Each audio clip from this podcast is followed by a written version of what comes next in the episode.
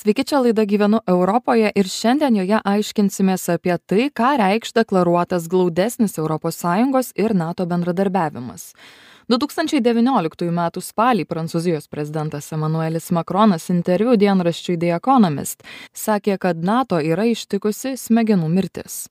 Tada jis sakė, kad ES atsidūrė ant prarajos slengščio ir norėdama būti savo likimo šeimininkė, kaip geopolitinė gale, turi mąstyti strategiškiau ursula von der leyen tuomet naujai paskirta europos komisijos pirmininkė taip pat kalbėjo apie geopolitinę komisiją kurioje europiečiai būtų geresnės pasaulinės tvarkos formuotojai. Tačiau po trejų metų šie teiginiai atrodo priklauso kitai erai. Dabar neabejotina kad viena iš rusijos invazijos pasekmių yra šiaurės atlanto sutarties organizacijos sustiprėjimas europoje sąjunga kuri pasikliauja tik savimi be nato skydo nuo šiol atrodo sunkiai įmanoma skelbiama euronet plius tinklalaidėje voices from brussels karas ukrainoje aiškiai pakeitė europos sąjungos saugumo ir gynybos politiką. Tai paskatino plačią paramą bloko gynybinių pajėgumų stiprinimui. Tuo pat metu tikslas siekti vadinamosios strateginės autonomijos gynybos ir saugumo srityje sumažėjo sako europos sąjungos užsienio politikos tyrinėtojas zakary paikinas Šios diskusijos apie ES strateginę autonomiją tam tikrų mastų buvo tarsi sušluotos po kilimėliu dėl šio karo. Ir tam yra rimta priežastis. Akivaizdu, kad dabar politiškai kalbant nelaikas pabrėžti savoką, kurią kai kurie interpretuoja kaip strateginę autonomiją nuo jungtinių valstijų. Ir todėl yra švelnesnės kalbos apie strateginį suverenitetą, Europos strateginį suverenitetą, apie kurį mes dabar daug daug girdime. Teigia ekspertas. Pirmasis ir apčiuopiamiausias karo padarinys buvo dviejų ES valstybių narių - Suomijos ir Švedijos - paraiškos dėl narystės NATO. Bet šiuo metu pagalius į ratus šiam procesui kiša Turkija ji kartu su vengrija yra paskutinės valstybės kurios niekaip neratifikuoja suomijos ir švedijos narystės nato. Turkija kaltina stokholmą kad šis nesiima konkrečių veiksmų kovai su grupuotėmis kurias ji laiko teroristinėmis.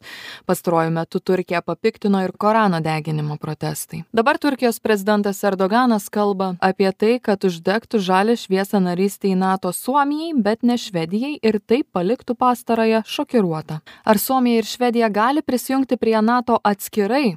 Į tokį klausimą praėjusią savaitę žinių radijuje atsakė prezidento patarėjas kęstutis budrys na mes kaip trisdešim aljanso narių visos bendrai tikiu kad ir turkijoje laukiame išsiplečiant aljanso ir jam sustiprėjant. Mes vis dar išliekam optimistiški kad vilniaus viršūnių susitikime būsime trisdešim du o ne trisdešim tai yra kad švedija ir suomija drauge prisijungs o ne o ne po vieną prie aljanso a taip suprantam kad politinis kontekstas yra įtemptas ir ir pastarųjų metų šitas e, pliūpstelėjimas šiek tiek tos emocijos tikrai neprisideda prie reikalo sėkmės bet e, dar lukterėkime ir ir ir iki vilniaus viršūnių susitikimo neskubėčiau su tarpiniu variantu ne tai kad vertinimu įvertint viską reikia bet na tokiu sakykime prioritetizavimu. Nes pagrindinis planas yra prisijungti dviem šalim po vieną prisijungti būtų problema turbūt tiek aljansui tiek atskiroms šalims ir ir nežinia ar tai būtų geras sprendimas. Geriausias variantas turėti abidvi kiti variantų net jų iškėlimas kaip alternatyvos ar pasikabinimas ant kitų variantų gali pridaryti žalos mūsų pagrindiniam pagrindiniam siekiui. E, iš sakykime tos visiškai e, saugumo prasme pusės karinės pusės na jisai nėra geras sprendimas turėti vien tiktai vieną šalį. Aš nesakau kad mums yra e, blogai turėti vieną iš šalių kuri siekia e, prisijungti tai bet kokiu atveju sustiprina aljansą bet mes kalbame apie viso regiono na taip sakant uždarymą ir ir išpildymą pilnai nato plėtros į baltijos jūros regioną. Tai reikia tą projektą ir įgyvendinti iki galo. Ir ir tikiu kad tos tie tie klausimai kurie yra probleminiai ir kurie kelia tiek daug įtampos ir ypatingu periodu vidaus politikoje turkijoje jie bus išspręsti. Nėra ten neišsprendžiamų klausimų. Tai praėjusią savaitę žinių radijui sakė prezidento patarėjas kęstutis budrys. Vis tik politologas paikinas sako kad kai plėtros procesas bus baigtas ir tai turėtų anot jo įvykti pavasarį kils platesnis klausimas ką tai reikš ir europos saugumo tvarkai Kai Švedija ir Suomija uh, įstos į NATO, susidursite su situacija, kai 23 iš 27 ES valstybių narių bus NATO narėmis, o tai daugiau nei 95 procentai ES gyventojų um, NATO. Vienintelė šalis, kurios bus išorėje, bus Airija, Austrija, Malta ir Kipras.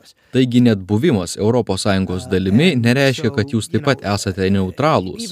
Jūs galite būti kariniu požiūriu neutralūs, ta prasme, kad nesate NATO narys, bet tikrai nesate politiškai neutralūs, nes laikotės bendros ES užsienio ir saugumo politikos.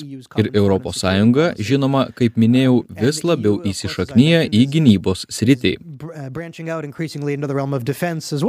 tikina politologas. Visą tai skatina glaudesnį ES ir Junktinių valstijų vadovaujamos saugumo organizacijos bendradarbiavimą. Šis naujas etapas prasidėjo šių metų sausį pasirašius naują ES ir NATO bendrą deklaraciją, trečiąją istorijoje. Joje pateikiama vizija, kaip abu blokai kartu veiks prieš bendras grėsmės saugumui ir patvirtinama visiška parama Ukrainos teisė į saviginą.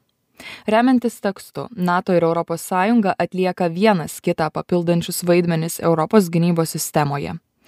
Tačiau Paikinas mano, kad ši sąlyga negali būti laikoma savaime suprantama. E Kadangi šiame dokumente viena vertus NATO minima kaip Europos gynybos pagrindas ir tai yra nebejotinas, nedviprasmiškas teiginys, kartu su tuo tame pačiame pareiškime ir tame pačiame punkte yra faktas, kad didesnis ES vaidmuo Europos gynyboje yra tai, ką vertiname arba ką švelniai sveikiname. of the fact that you know a greater role E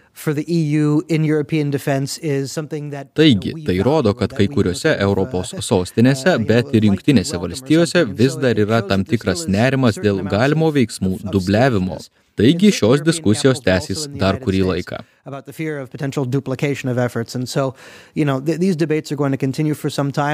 Teigia Briuselėje dirbantis politikos ekspertas kad bendradarbiavimas gali būti vaisingas jei abi organizacijos laikysis savo kompetencijos sričių sako fabianas masimas kastaldas europos parlamento narys iš italijos europos parlamento užsienio reikalų komiteto narys.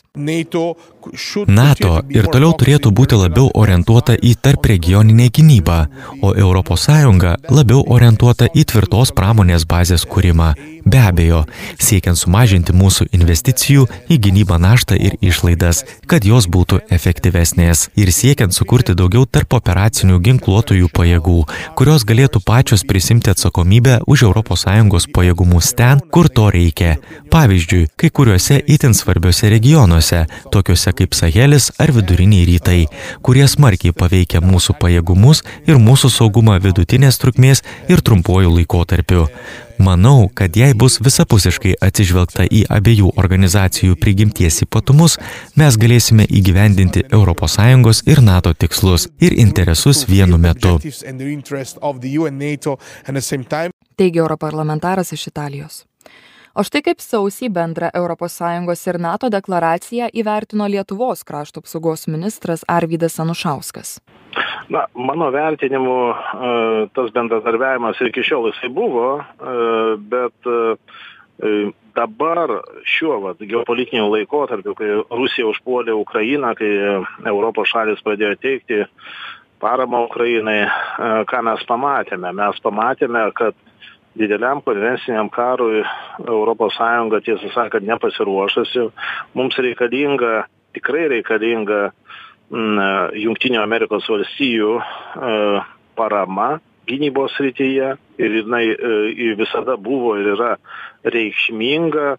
Ir aš manau, e, dabartinė situacija leido realiai vertinti ES galimybės. Tikrai ES gali daug ką padaryti, tačiau reikia laiko, reikia resursų, reikia skirti tos resursus ir ES šitoje vietoje jau irgi iš savo pusės pralaužė ledus. Pasižiūrėkime į paramą Ukrainai ir tuos skiriamus milijardus jau iš ES biudžeto, juos irgi nebuvo lengva e, didinti, bet tai buvo padaryta. Taip kad pokyčiai yra na akivaizdūs ir šitoje srityje ir supratimas kokia yra reali situacija europos sąjungos gynybinėje srityje na ko gero pasidaro toks aiškesnis. Žinių radijui sausį kalbėjo krašto apsaugos ministras. Ir tiek šįkart po nedidelės pertraukos į eterį grįžusioje laidoje gyvenu europoje. Laidą parengiau aš aušra jurgauskaitė. Jos įrašą rasite mūsų svetainėje žinių radijas taškas lt. Iki kitų kartų